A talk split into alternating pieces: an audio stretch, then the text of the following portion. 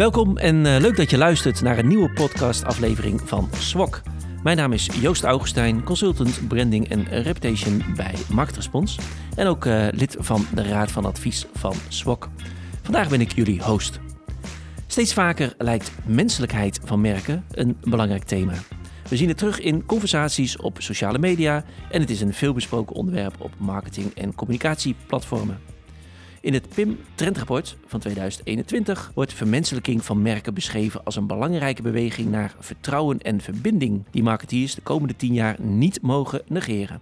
Waar menselijkheid zich eerst leek te beperken tot maatschappelijk verantwoord ondernemen, wordt er nu ook gesproken over menselijkheid in relatie tot consumenten. Waarom vinden we menselijkheid van merken zo belangrijk? En is dit een trend van de laatste tijd of zit het van nature in de mens? Zwok publiceerde onlangs de publicatie Merk als Mens, waarbij we op zoek zijn gegaan naar de betekenis achter het merk als mens. Wat is er voor nodig om merken te beschouwen als menselijke zielen waarmee consumenten zich willen verbinden? Wat zijn de belangrijkste eigenschappen van een mens? En welke hiervan worden toegekend aan menselijke merken? Hoe gebeurt dat en wat levert het op? In de komende afleveringen van deze podcast gaan we hierop in met de onderzoekers van deze SWOC-publicatie Merk als Mens en met verschillende praktijksprekers. Vandaag zitten bij mij aan tafel Lotte Willemsen, lector Communication in de Networked Society aan de Hogeschool Rotterdam. Welkom Lotte. Hallo. En Maarten, Maarten Bakker, Creative Director bij Clubgeist BVH. Welkom Maarten. Dankjewel. En wij zitten in uh, het Tolhuistuin met uitzicht over het Amsterdamse ei en spreken verder over het merk als mens. De SWOC-publicatie Het merk als mens opent met deze uitspraak. Als we het vertrouwen van consumenten willen winnen, dan moeten we bedrijven niet als doelgroep bedienende machines zien, maar als levende organismen met een geschiedenis, opvattingen, bewuste en onbewuste doelen, manieren van omgang en cultuur.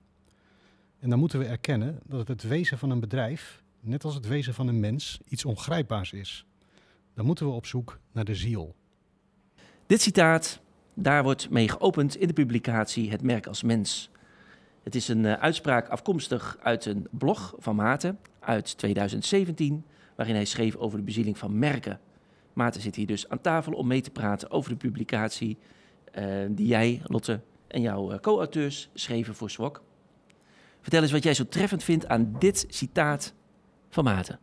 Ja, ik, um, nou ja, je, je, zei het net al, hè, Joost. Er wordt heel veel gesproken over het merk als mens.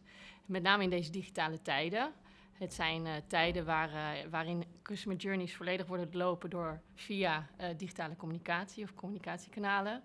Waarin klanten worden gereduceerd tot een reeks nulletjes en eentjes via data science. En waarin medewerkers worden vervangen door chatbots of robots. Beetje mens als machine klinkt dit. Precies, een beetje mensen als machine. En nou, daar ontstaan dus ook zorgen of die digitalisering, die vaak de aanjager is van dit soort uh, ja, uh, processen, uh, of die niet een bedreiging is voor de menselijke maat. Dat is ook een zorg die wordt bevestigd uit onderzoek van PricewaterhouseCoopers uit 2018. Mm-hmm. Bijna 60% van de consumenten vindt dat merken de menselijke maat uit het oog verloren zijn.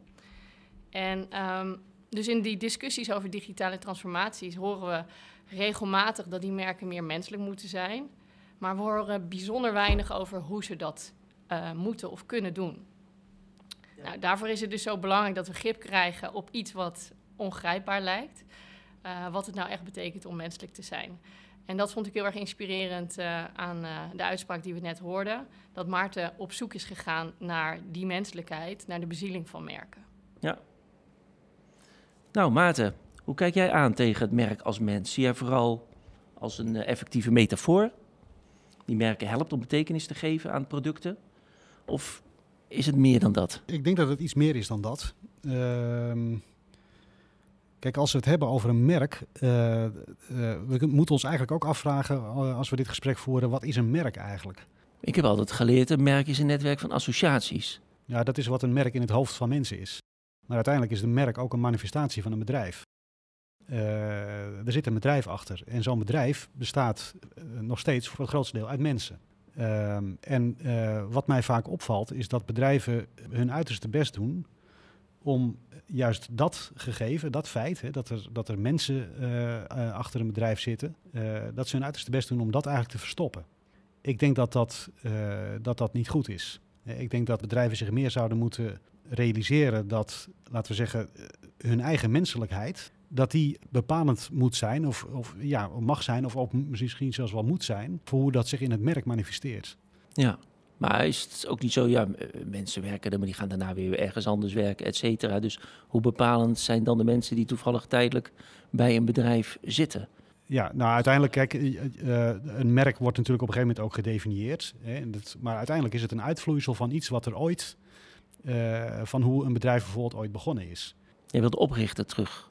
Terug naar de oprichter, hè, dat is vaak een. eh, kijk, wat wij in de praktijk heel vaak merken, is dat, hè, want je zegt nu, die bedrijven worden, worden bemenst door mensen die daar vaak maar een tijdje zitten en die vervolgens hun carrière weer elders voortzetten. Eh, wat wij in de praktijk vaak merken, is dat op het moment dat wij eh, ingeschakeld worden eh, voor een campagne van zo'n bedrijf of voor zo'n merk. En we praten met de marketeers, hè, bij uitstek vaak de mensen die er maar een tijdje zitten om vervolgens weer ergens anders heen te gaan. Dan kunnen wij eh, die mensen bevragen tot we ons wegen. Maar dan nog heb je het gevoel dat je niet tot de essentie doordringt van waar het eigenlijk over gaat. Dus het blijft heel erg, eh, laten we zeggen, in de, in, de, in de processen en in de technologie en in de... Misschien gaat het daar wel om. Nou, die zijn wel belangrijk, maar ze zijn nooit, eh, ze zijn altijd middel en ze zijn nooit het doel op zichzelf. En op het moment dat je, dat je door gaat vragen en dat je gevoel wil krijgen, hè, want daar zijn wij als reclamemakers in geïnteresseerd. Wat is nou het gevoel? Eh, dan, eh, dan, ja, dan, dan zijn we vaak gedwongen eigenlijk om lichtelijk beschroomd aan die mensen te vragen, mogen we misschien ook praten met de oprichter? Hè? Of mogen we misschien ook praten met, met de bestuurders of met die directie? Want die zitten veel minder... En de oprichter die overleden is? Ja, dan praat je met, eh, laten we zeggen, met mensen die. ehm, eh, en nu ga ik iets gevaarlijks zeggen. Dan praat je met mensen die zich niet met marketing bezighouden. Maar die, laten we zeggen, in het bestuur van een bedrijf zitten. Die, die dus een bredere scope hebben dan alleen de marketing eh, scope. En op het moment dat je met die mensen praat, die praten vaak veel simpeler ook. en hebben een veel beter gevoel voor de. Over het algemeen, hè, dus ik schijn nu even alles over één kant. Ja, nee, prima. Maar generaliserend gesproken hebben die een veel beter gevoel eh, voor de verhouding tussen doel en middelen. En geven, zijn dus, dus, dus ook veel beter in staat om de essentie van zo'n merk, of de essentie van, van het bedrijf achter dat merk, te verwoorden. En dat hebben wij nodig om uiteindelijk iets te kunnen maken, eh, iets te kunnen verzinnen, een taal te kunnen eh, bedenken, of een regeltje te kunnen bedenken, wat een snaar raakt. En die essentie vind je niet bij de marketeers en in de marketing tools. Nou ja, nogmaals generaliserend gesproken eh, klopt dat, ja. Dat vind, je, dat vind je zelden daar. En ik snap dat overigens ook wel, want ja, die mensen moeten zich heel erg bezighouden met, met middelen.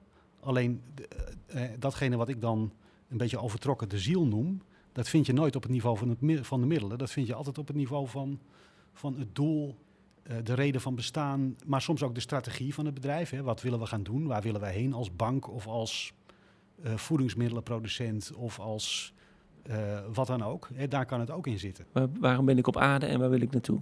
Dat soort vragen. Ja, en waar wil ik naartoe? Ja. Ja. En dat hoeft niet altijd een wereldverbeterende missie te zijn. Mhm. Dat kan ook zijn, wij willen eh, over vijf jaar twee geld keer zo groot zijn. Twee keer zo groot, kan Twee ook. keer zo groot kan ook, ja.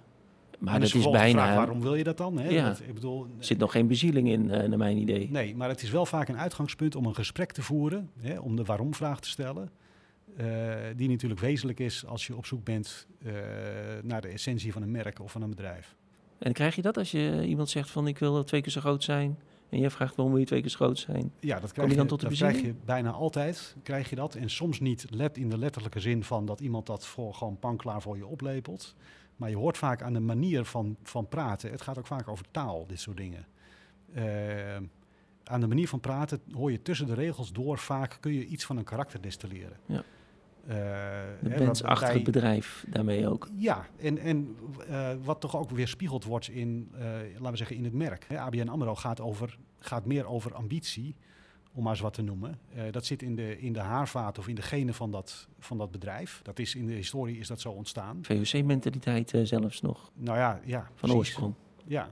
Eh, Rabobank of de Triodos Bank hebben, die hebben andere prioriteiten en andere wortels. Daar zit iets anders in. En het gevoel voor dat soort dingen hebben, zonder dat je vervalt in, laten we zeggen, eh, toch vaak behoorlijk platte eh, dingen als proposities en eh, klant-markt combinaties en dat soort dingen. Je voelt al, weet je, als op het moment dat het over dat soort dingen gaat, dan wordt het alweer technisch. En dan wordt het ontzield. Is het eigenlijk alweer dood? Dan is het, ja, waar is de mens gebleven? Waar is de ziel? Daarmee zeg ik overigens niet, hè, want dat is, daar moet ik me vaak tegen verdedigen. Dat ze zeggen, ja, maar eh, je doet net alsof dat allemaal onzin en allemaal niet nodig is. Nee, het is wel nodig. Mhm. Eh, en het is ook al heel zinnig om daar op, die, op dat niveau over na te denken. Alleen op dat niveau. Maar het is nooit de inhoud. Het is een middel, het is nooit het doel. Op zoek naar de ziel van het merk en de mens erachter. Eh, Lotte, ik zie eigenlijk in alles een mens. Ik kan in wolken een mens zien en in bomen. En mijn vriendin die praat ook zelfs tegen dingen. Ja. Die tegen fles of zo. Heel eh, van eh, kom op, ga eens open en zo zegt ze dan. Ja. Wat is dat voor rare gewoonte? Nou, ik hoorde het ook net al terug in eh, wat eh, Maarten zei. Hij had het ook over karakter. Een merk heeft een karakter. En eh, merken worden gemaakt door mensen, maar ook voor mensen. En die mensen zijn eigenlijk in staat om alles menselijke eigenschappen toe te kennen, zoals jij net al aangaf. En ehm, dat komt door een fenomeen wat bekend staat als antropomorfisme. Dat is een heel moeilijk woord voor iets wat we allemaal doen. Dat is een, een fenomeen waar we dus die menselijke eigenschappen toekennen aan iets wat helemaal niet leeft en ook niet menselijk is. Als ik scheld op mijn computer. Bijvoorbeeld, ja. Ja. Antropomorfisme. Antropomorfisme, ja. Ja, dus als schrijf je ik op, ja. scheldt tegen je computer omdat hij het niet doet. Of eh, als je praat tegen planten eh, en denkt of inbeeldt dat ze dorst hebben.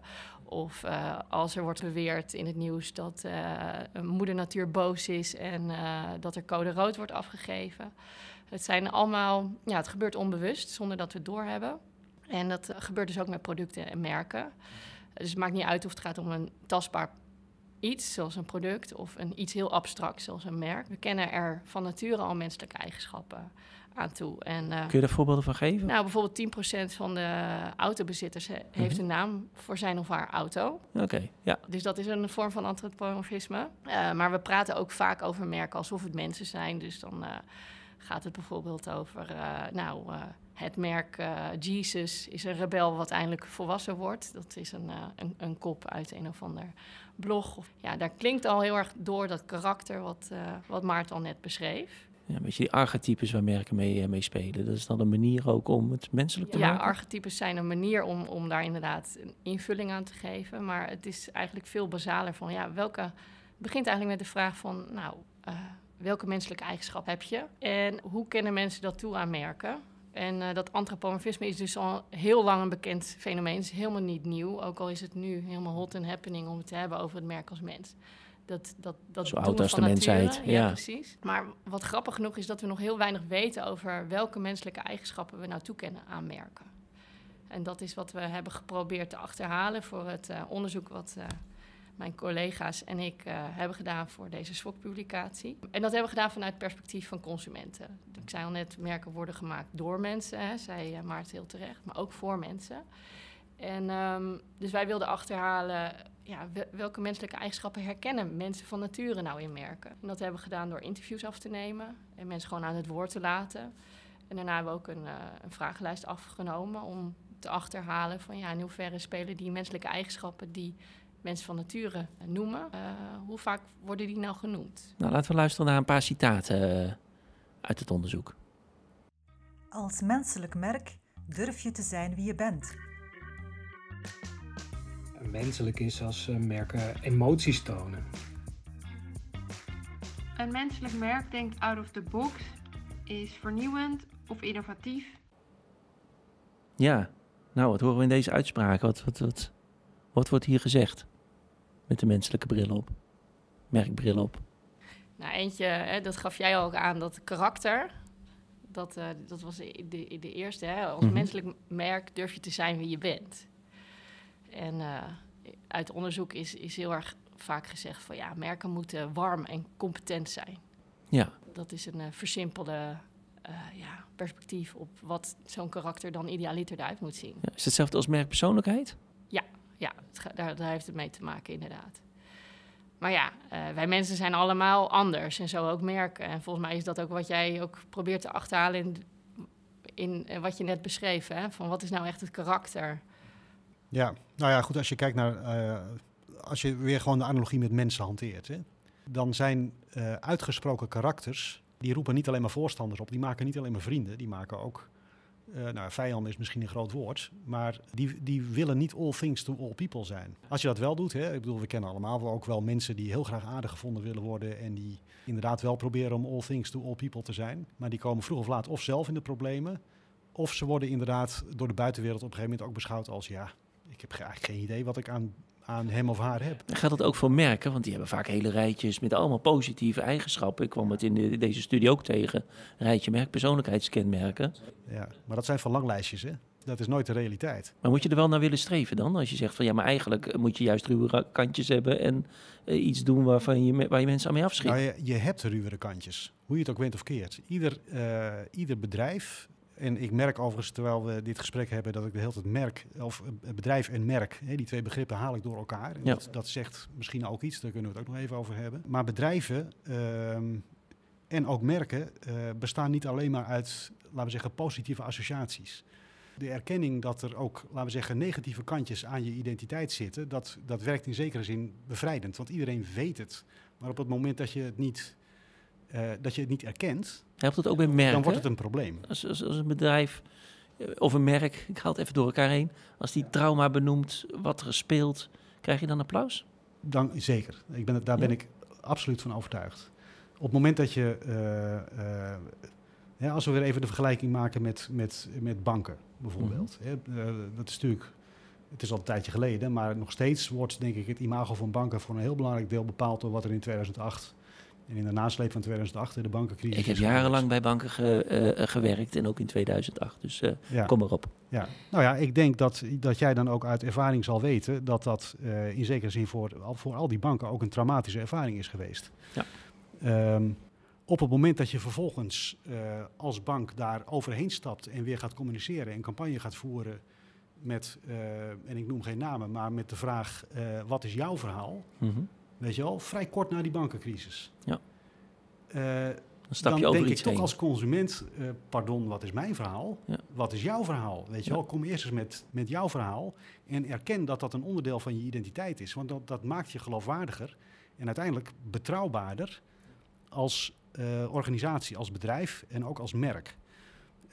En dat is, laten we zeggen, een andere dimensie aan waarom ik het zo belangrijk vind dat we, dat we door een menselijke bril naar, eh, of met die menselijke analogie naar bedrijven en naar merken kijken, is omdat uiteindelijk het kapitaal van die bedrijven is vertrouwen. En wat doen we dan met het lijstje van eh, persoonlijkheidskenmerken, waar vertrouwen natuurlijk ook in staat? Eh, dat lijstje, als ik heel eerlijk ben, dat neem ik meestal voor kennisgeving aan. Hè. Wij worden altijd gebriefd als Ja, creatieven. Daar staat met betrouwbaarheid natuurlijk, zeker bij banken, Ja, bij. Ja, en dat neem ik met een enorme korrel zout. Omdat ik namelijk weet dat, het, dat als ik iets ga bedenken, dan is het in hun belang dat ik niet alleen dat wensenlijstje, hè, dus dat verlanglijstje, maar dat ik ook eh, de maatschappelijke werkelijkheid in die campagne een plek geef. Als ik dat doe, eh, dan maakt dat de kans dat ik een snaar raak en dat ik vertrouwd word, Ja. eh, vele malen groter. Maakt Dat is het, super belangrijk. maakt het daarmee ook menselijk. Vertrouwen is het ware kapitaal van merken. Hè? Ik zie ook nog, nog een reden waarom we ons niet alleen blind moeten staren op eh, die persoonlijkheid. Is omdat het merk als mens ook meer is dan alleen een persoonlijkheid. Jij en ik zijn ook meer dan een persoonlijkheid. We hebben naast een persoonlijkheid hebben wij eh, doelen of ehm, hebben we emoties of eh, een eigen wil of ja, een creatief vermogen. Ja, die zitten niet in het lijstje met persoonlijkheidskenmerken. Nee, en ehm, dat is ook wat ons onderzoek heel erg liet zien, is dat we niet blind moeten staren op één eigenschap van wat een mens is en hoe je dat projecteert op een merk. Of we dan bekeken vanuit de bril, of vanuit de organisatie of het merk of de consument. Maar dat het eigenlijk een, ja, wil je echt gestalte geven aan het merk als mens, dan moet je voorbij alleen maar die merkpersoonlijkheid kijken en ook kijken naar welke andere eigenschappen eh, er spelen. Is dat ook een soort ontwikkeling in de tijd? Want ik kan me inderdaad de tijd, eh, eh, jaren geleden ging het inderdaad over persoonlijkheid. Nu heeft Ja. iedereen het over purpose. Klopt. Wat, wat Dus, voor ontwikkeling zie je daarin? Nou, dat wat wij meest menselijk vinden aan een merk, dat verandert over de tijd. Dat is heel erg trendgevoelig. Dus in 2000 kwam merkpersoonlijkheid in opkomst door Jennifer Aker.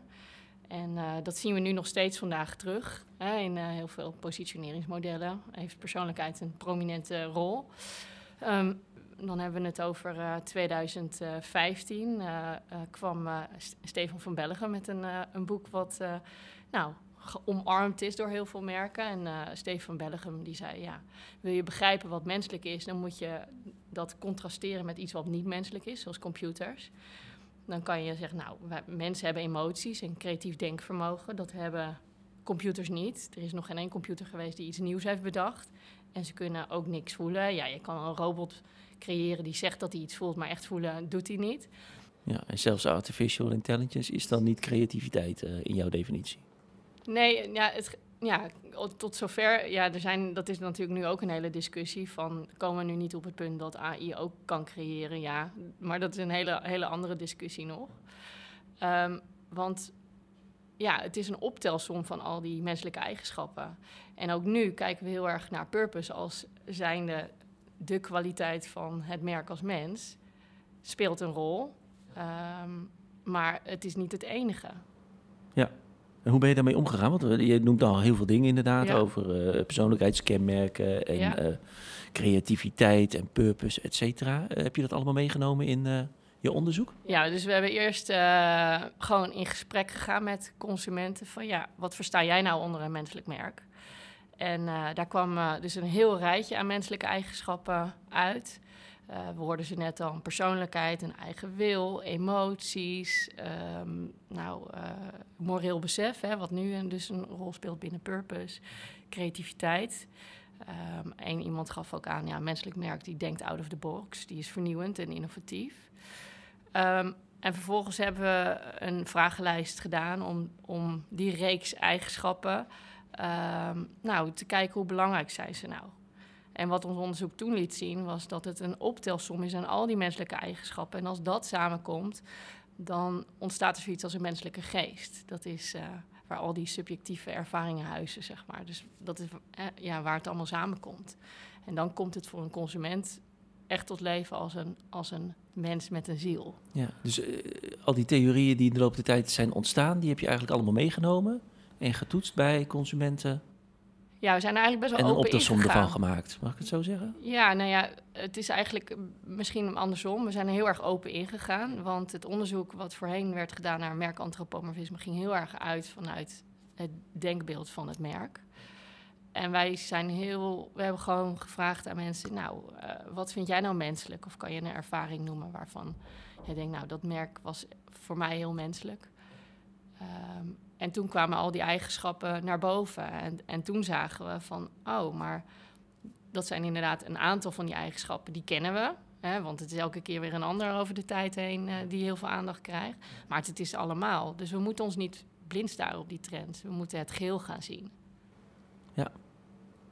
Dan laten we nog maar een keer luisteren naar een aantal uh, citaten dan die voorbij kwamen. Ik vind een merk menselijk als het me de indruk geeft dat het weet wat er speelt in de wereld van de gewone mens. Als een merk duidelijk is over zijn doelstellingen. Als je als merk ideologieën aanhangt, dan ben je een mens. Dan zit daar een mens achter. Wat horen we hier, Lot, aan uh, menselijke eigenschappen? Een aantal hadden we net ook al genoemd. Hè, dat, uh, er zat een eigen wil of uh, die purpose moreel besef eigenlijk. Maar er zat er nog eentje bij en die heeft relatief weinig aandacht gekregen in die, in die, in die literatuur, in die wetenschappelijke literatuur, want daar hebben we ook naar gekeken. En dat is waarnemingsvermogen. Wij als mens kunnen horen, zien en voelen. En dat kunnen merken helemaal niet. Uh, ze, hebben, uh, ze beschikken niet over, over in die zin waarnemingsvermogen. Maar consumenten gaven wel aan dat ze dat van merken verwachten. Dus ze willen heel erg hoe, hoe werkt dat dan? Als, uh... nou, eigenlijk is het een beetje dat nou, mensen verwachten dat eh, merken hun voelsprieten uitzetten. En dat ze met ja, midden in, tussen de mensen en de maatschappij staan, met handen opengevouwen en hun ogen en oren gewijd open eigenlijk. En daar zit nog iets anders in. Dat zo'n merk niet alleen maar bezig is met nou ja, wie het merk is als mens, maar ook wie de consument is als mens. Want als jij kan waarnemen, dan kan je de ander ook zien. Dan kan je horen, uh, ja, niet eens, nou, het gaat dan niet eens om luisteren, maar echt horen wat iemand te zeggen heeft uh, of wat de maatschappij vindt. Ehm, dat gaat om eh, eh, niet, ja, ook echt zien wat er aan acties nodig zijn om eh, behoeftes van consumenten te vervullen. Sensitief zijn en op die manier inderdaad Ja, waarnemen als merk ook. Ja. Ja, waarnemen wat er allemaal gebeurt. Uh, Maarten, in jouw blog geef je aan van dat je juist niet zo moet blind staren op wat de markt wil, wat de klant allemaal wil. Maar dat je als merk ook op een eigen kompas moet varen. En van buiten eh, eh, naar binnen eh, redenerend dat dat zijn beperkingen heeft. Ehm, je noemt zelfs woorden als ontzieling, wantrouwen, gelijkschakeling. Ehm, kun je dat nader toelichten, hoe jij dat ziet? Nou ja, het, ehm, ja dat, ik denk dat ik dat kan. Nou, dat Kijk, de doelgroep, hè, doelgroepen, datgene waar, de, waar merken zich op richten. Eh, en waar ze vaak ook hun, bestaan, hun hele bestaansrecht aan ontlenen. Eh, eigenlijk is dat, dat, dat eh, doorgeslagen doelgroepdenken, als ik het even zo mag definiëren, dat heeft, dat heeft twee problemen. Ehm, het eerste probleem is een gebrek aan onderscheid. Hè? Want als je je even de situatie voorstelt dat je een, een fabrikant bent of een merk bent die zich op een bepaalde doelgroep richt. En je doet daar onderzoek naar. Hè? Wat willen die mensen? Eh, wat is belangrijk voor ze? Hoe staan ze in het leven? Eh, wat vinden ze hip? Eh, wat vinden ze mooi? Weet je wat je moet doen? Dat is inderdaad wat, wat, wat merken doen. En dat, ik zeg ook niet dat ze dat niet moeten doen. Alleen ze moeten zich wel rekenschap geven van het feit dat een concurrent die in dezelfde markt zit. Hè, neem even twee autofabrikanten die zich op dezelfde, met grofweg hetzelfde product op dezelfde, hetzelfde marktsegment richten. Ehm, die halen dus hoogstwaarschijnlijk uit, uit hun onderzoek dezelfde inzicht. En het probleem is dus dat die, die, eh, die enorme eh, focus op de buitenwereld, hè, wat, wat marketeers gewend zijn om te doen, want die kijken de hele tijd naar buiten. Ehm, dat leidt dus eh, dat leidt tot, tot gelijkschakeling. Hè. Als ik een, in een sterblok moet je echt van hele goede huizen komen, wil je de commercial van Renault kunnen onderscheiden van die van Kia.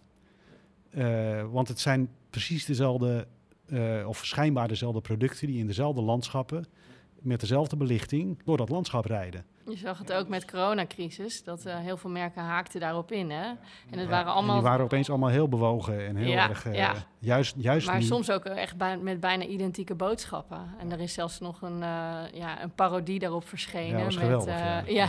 zo'n een, een, een soort van bijna gestandardiseerd bericht. die, ja, waarin zeg maar bijna elk bericht wat er in die tijd is eh, verstuurd. Ja, dat herkende je erin. Dus het, het was Zelfde gele- inzichten, ja. allemaal hetzelfde. Maar er is nog een, nog een ander, eh, en misschien vind ik dat nog wel belangrijker, een ander aspect van de- die focus op de buitenwereld, eh, of een ander iets wat daaronder leidt. Eh, en dat vind ik eigenlijk het wezen van een merk. En het wezen van een merk is vertrouwen. Je zou een merk ook kunnen definiëren als gestold vertrouwen. Ja, want ik weet niet hoe Apple zijn telefoontjes produceert, waar ze de grondstoffen vandaan halen, eh, hoe het financieel allemaal zit. Alleen dat merk is voor mij een soort van stempeltje van, nou ja, gestold vertrouwen zou je kunnen zeggen. En wa- wat, wat is voor jou vertrouwen? Want dat woord noemde je net ook al. Waar vertrouw ik in? je vertrouwt in, eh, in eh, een, een heel scala van dingen. Je vertrouwt in de kwaliteit.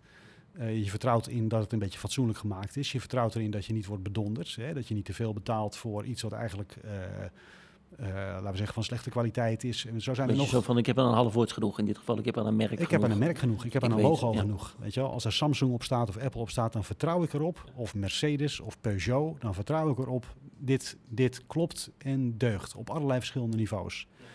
Waarom noem ik vertrouwen in het kader van dat, eh, laten we zeggen, die externe gerichtheid en dat doelgroepdenken?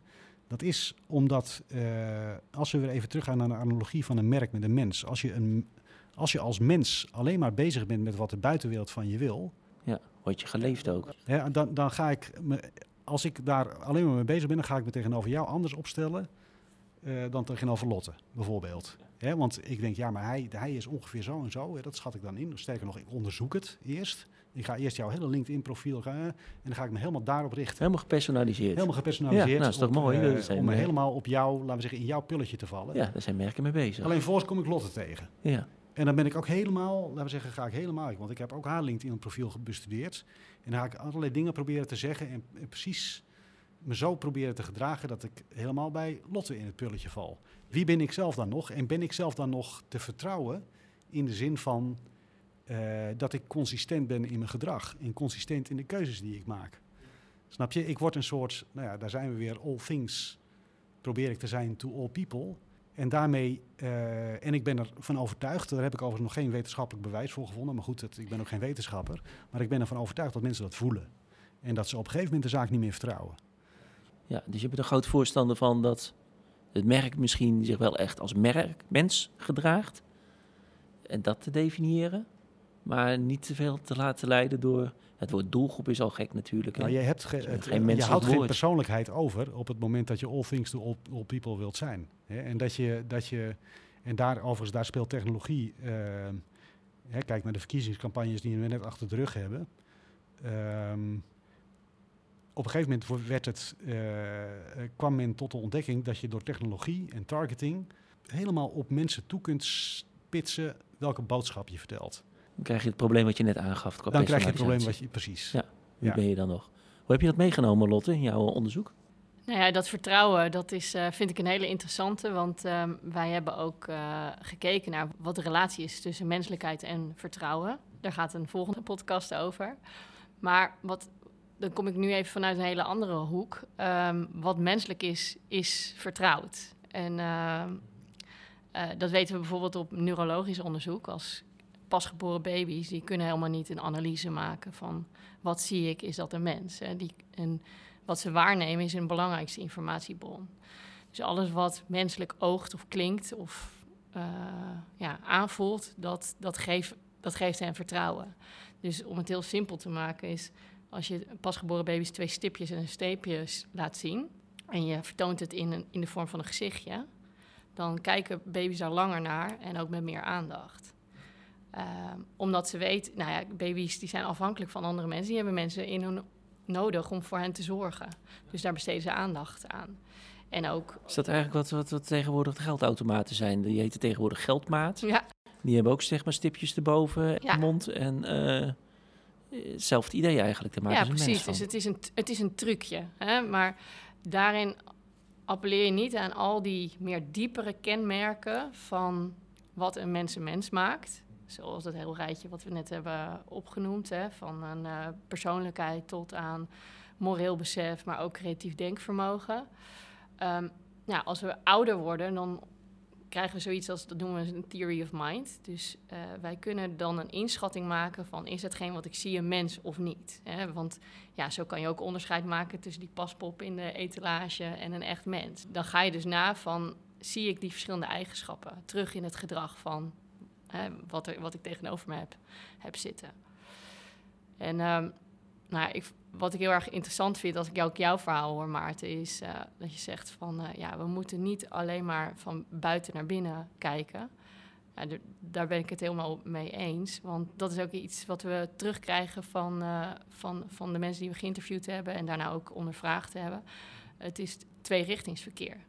Dus je moet zelf uitzoeken wie je bent als mens. Ehm, doe je dat op een goede manier? Dus hè, klopt het allemaal? Komen al die menselijke eigenschappen samen? En is dat een geheel? Ja, als merk zijnde. Ja. Nou, dan krijg je een menselijke ziel. Maar tegelijkertijd vinden mensen het ook wel weer fijn als ze hen zien als een mens. Een volwaardig mens met doelstellingen, persoonlijkheid, een eigen wil, eh, ook moreel, morele principes. Maar vanuit wie je dan zelf als merk bent.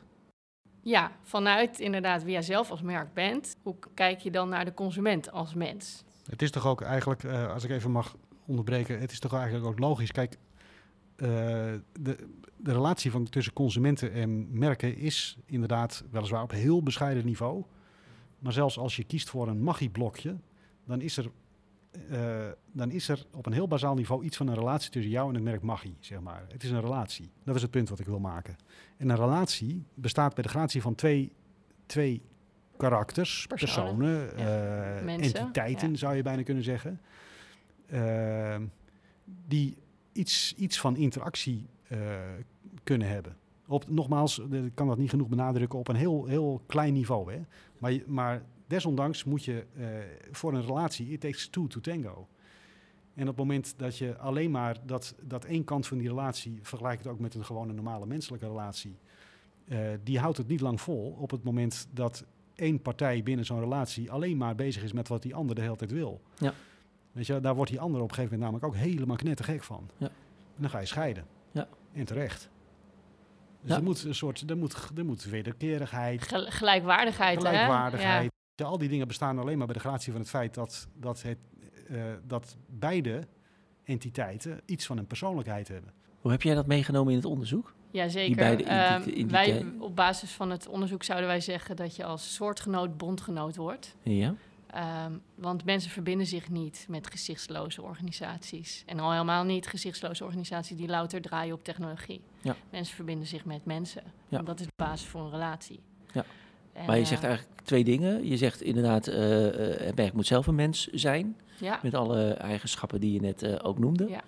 Eh, maar het merk moet ook de consument zien als Precies, mens. Niet ja. van alleen, hallo, hier ben ik. ja, dus het is een soort van yin en yang, Ja. een, eh, een evenwicht.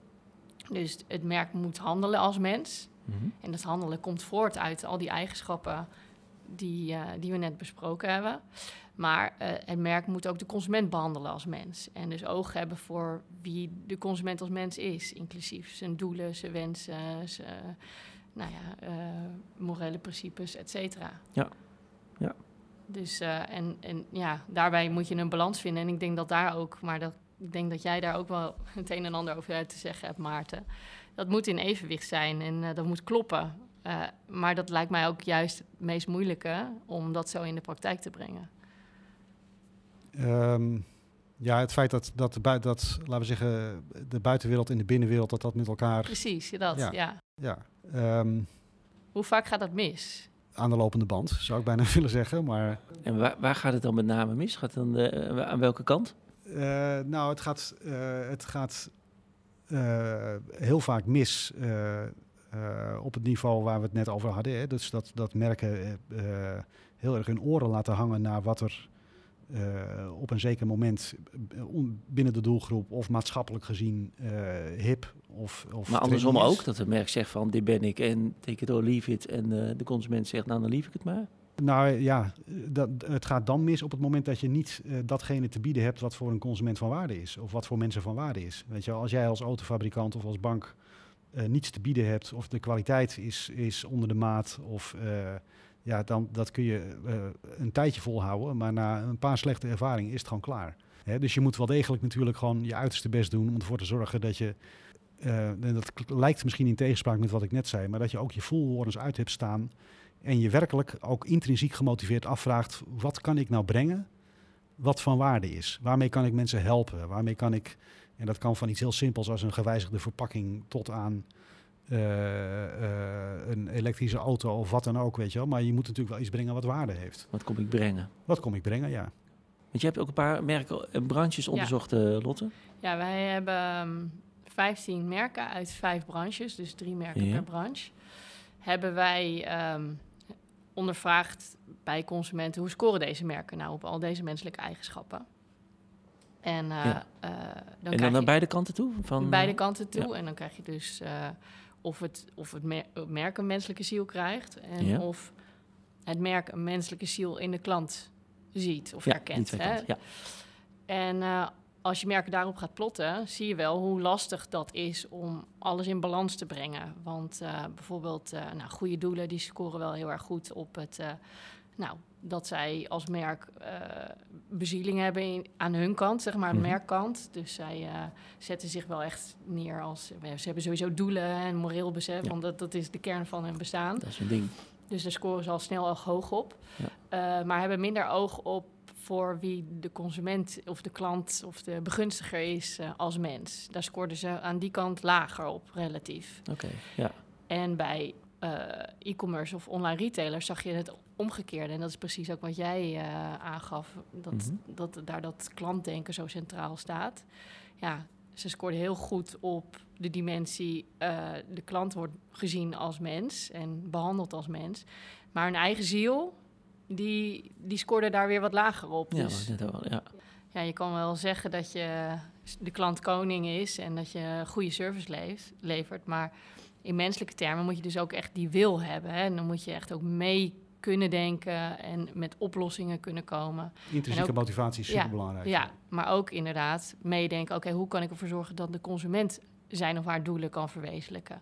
En die procedures en regeltjes en zo, dat is de doodsteek daarvoor.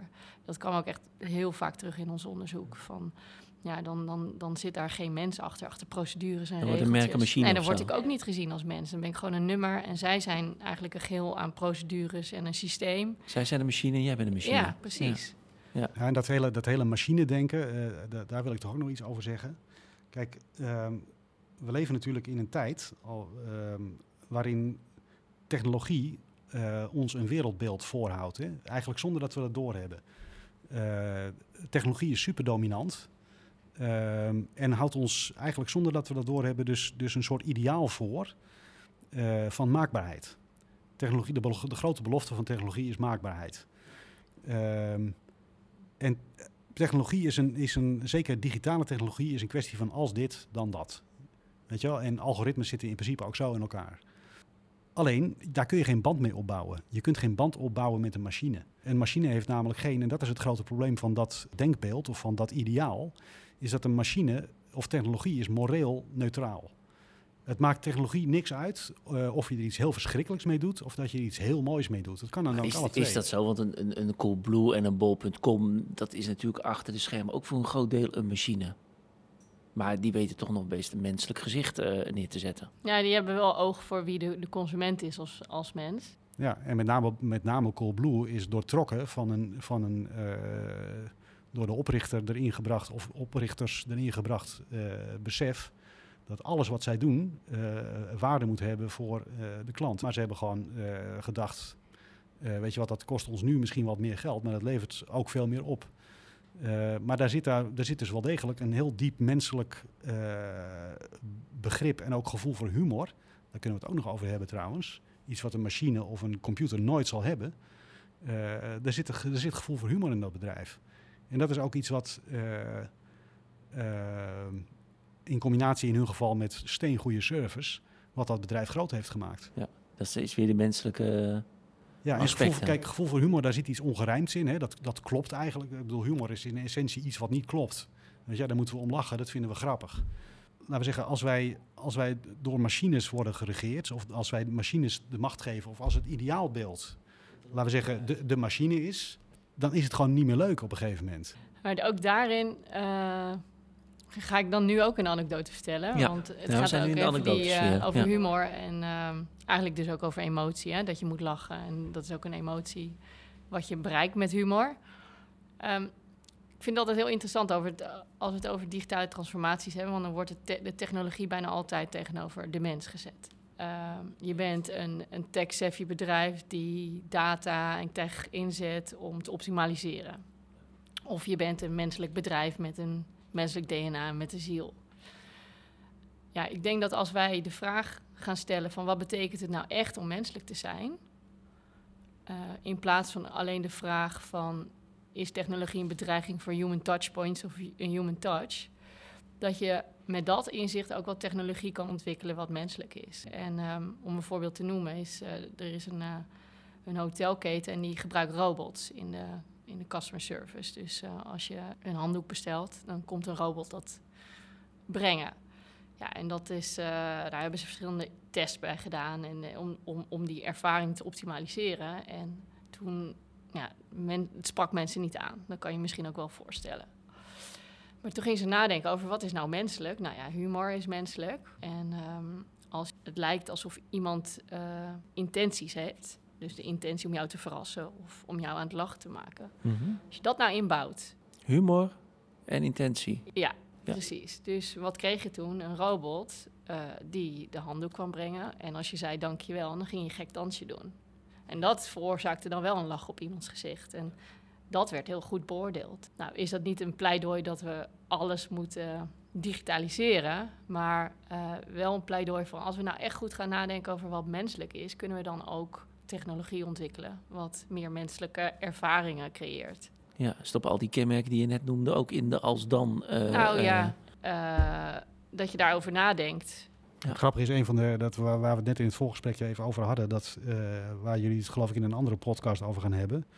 eh, het, het woord vermenselijkingsstrategieën. ja.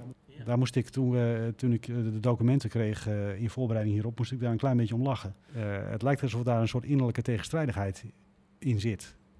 Of in ieder geval riep het bij mij de reactie op, eh, we zijn best wel... eh, we zijn best wel ver afgedreven, zeg maar, als wij nu moeten gaan nadenken over vermenselijkingsstrategieën als er, om weer menselijk te worden. Ja, dat is een hele mechanische definitie. Nou, dat zegt best wel wat, vind ik. Je gebruikt in het begin zelf het woord doelgroep.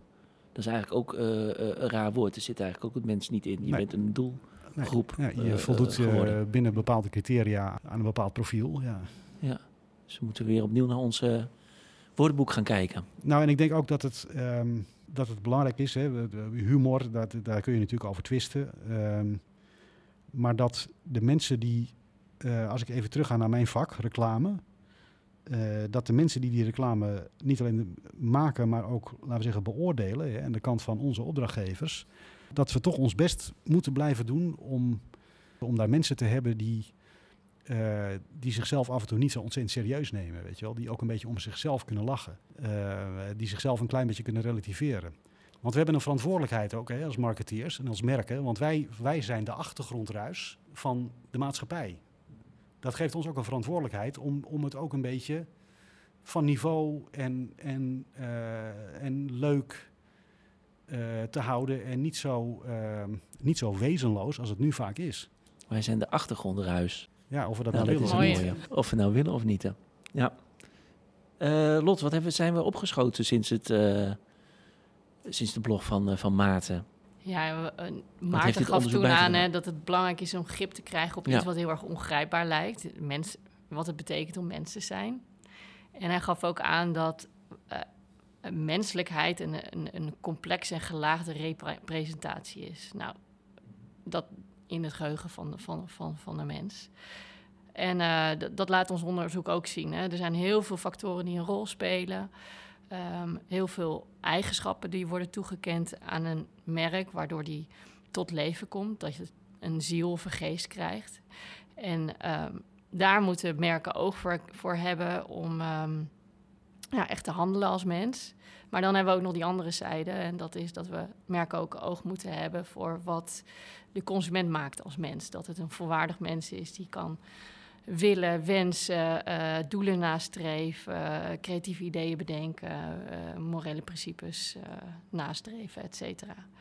Ehm, dus we hebben geprobeerd met onderzoek door consumenten aan het woord te laten om nou, meer grip te krijgen op wat het nou betekent om mens te zijn. En Al die menselijke daar- eigenschappen, zeg maar, precies, eh, inderdaad. op een rij. Ja. En wat het ons ook heeft geleerd is dat we voorbij al die trends moeten kijken. Dus, en dat we er misschien ook wel de juiste vragen moeten stellen. Dus niet alleen eh, of eh, ja, digitalisering ten koste gaat van de menselijke maat, maar wat het nou echt betekent om menselijk te zijn. ja. Ja. Je zegt van de goede vragen stellen. Wat zijn de goede vragen? Nou ja, heel simpel. Wat, wat betekent het om een mens te zijn? Dat is een Ja. vraag die tot nu toe eh, werd overgeslagen in heel veel discussies over het merk als mens of de vermenselijking van merken. En dat is een vraag die Maarten wel eh, stelde. En eh, volgens mij hadden we het er ook nog in het gesprek over, over nou, wat goede mensen zijn om te hebben in, in- binnen een bedrijf, binnen reclame. Ja, dat je vragen stelt, dat je kritisch bevraagt. Ja. Ja, ik denk Dus dat die dat- vraag, als we die vraag aan onszelf ja, stellen. niet alleen maar of, maar ook hoe. En Hoe? waarom. Ja. Hoe, waarom? En dan vanuit een menselijk eh, perspectief eh, zorg ik dat ik als merk een mens ben. Wat, wat, Ja, wat vanuit een holistisch pers- perspectief eigenlijk. Hè? En op de Ja. goede eh, Ja. momenten de domme vragen durven stellen. Eh, ook eens in een, in een vergadering. eh, ik merk vaak hoe, hoe eh, enorm constructief het is. Als je eh, alleen al een vraag begint met... ja, het is misschien een domme vraag hoor. Dan zie je iedereen aan tafel iets rechterop gaan zitten. En, en meestal wordt het gesprek dan pas leuk... en heb je het dan pas over de wezenlijke dingen. Weet je, terwijl als we allemaal met onze specialistische eh, eh, hokjes blijven zitten... waarin we heel specialistisch